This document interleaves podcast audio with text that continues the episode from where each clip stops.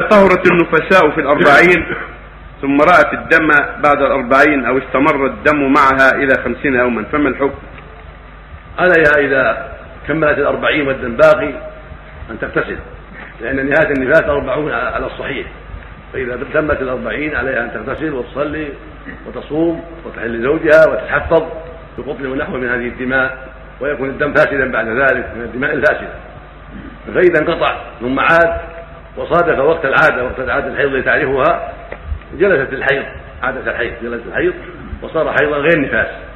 أما هذا الدم المتصل الذي اتصل بها فهو دم فساد تحفظ بالقطن ونحوه وتغتسل وتصلي وتصوم وتحل زوجها في هذا الدم الزائد على أربعين لأن النفاس مدته أربعون كما جاء في حديث سلمة.